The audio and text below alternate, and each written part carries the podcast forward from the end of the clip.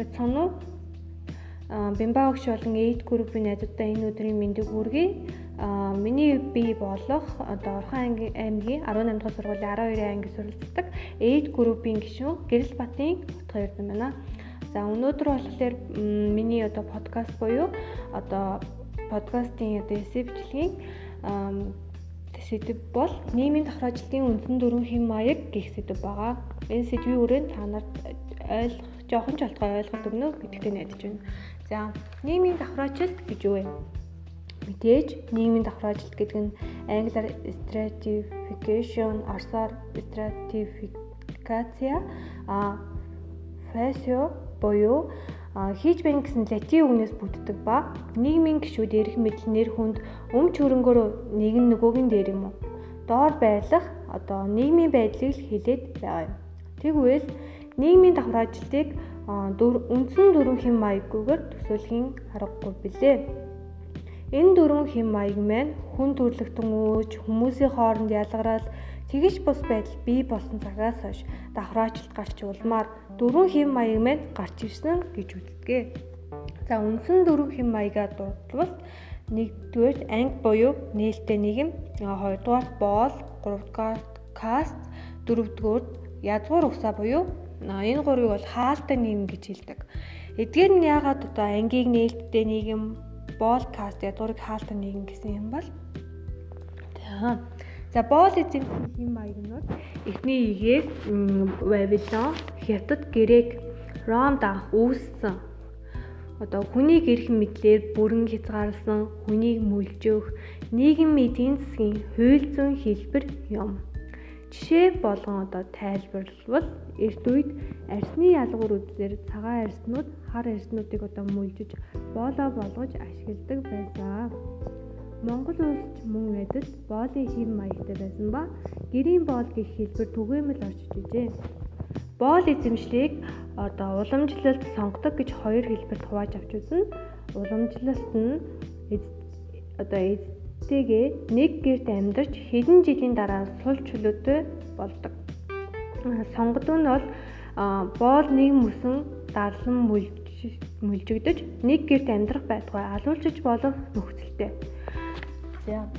Кастийн хэм маяг нь хоёрдугаар буюу кастийн маяг нь Азад өргөн тархсан ба шашны ёс журам зан үйлээр баталгаажсан угсаатны ялгаа нийгэм дотроо шатлал бүхийн дөрвөн кастад хуваагддаг.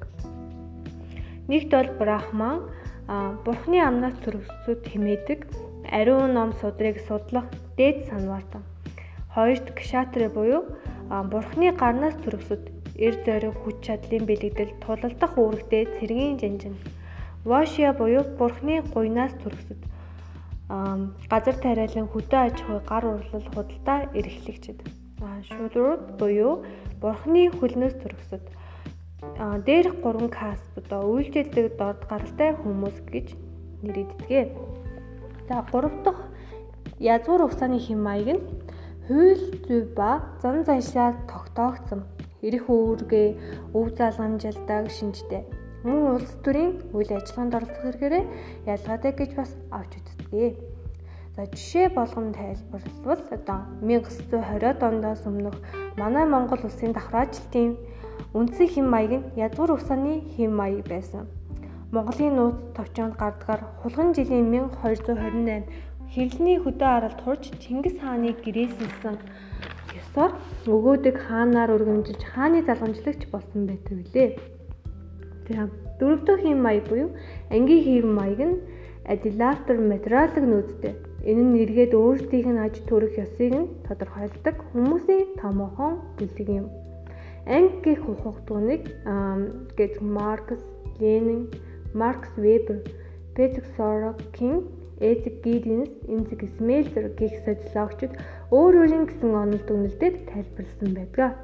Жишээ нь Энзэг Смелзерийг одоо авч үзвэл анги гэдэг нь эд баялаг, эрх мэдлэр болон нэр хүндэр ялгаатай социал бүлгүүд хэмээн тодорхойлсон. Энэ нь бусад одоо хэм маяг шиг шашны номлол, өв заалгамж, эргэцэн хэмжээгээр тодорхойлогддоггүй нээлттэй нийгэм гэдгийг харуулж байна. Ингээд одоо өмнөх асуултын дагууг хараад үзвэл анги нэг ангиас нөгөө ангид ямар нэг хориг саадгүй байр сууриа өөрчлөх боломж бүрэлддэг нээлттэй нийгэм. А харин подкаст ядгуур нь нэг ангиас нөгөө ангид шилжихийг ихээр хязгаарладаг. Байр сууриа өөрчлөх боломжгүй учраас хаалттай нэгэн гэж үзсэн байна. Энэ хаалттай нийгмийн одоо боолчлол каст ядгуур зөвхөн эртний үед л байсан гэж үү? Мэдээж үгүй. Боолчлолыг одоо хууль ёсоор халсан ч хүний наймад өнөө үед цөөн биш хүн өртөж байгааг харуул далд хэлбэрээр ч эднэр орчиж байдаг гэсэн дүгнэлт бий. Хэрвээ үндсэн дөрвөн хэм маяг мань үгүй байсан бол хүмүүсийн дагалт ихэж одоо бослог умын улс төрийн нийгэм зохион байгуулалтгүй болж зөрчил хийхээр үүсэх байсан болов гэж би хувьдаа боддгоо. Та ч гэсэн нэг бодож хоёрыг тунгаах үзье. За баярлаа.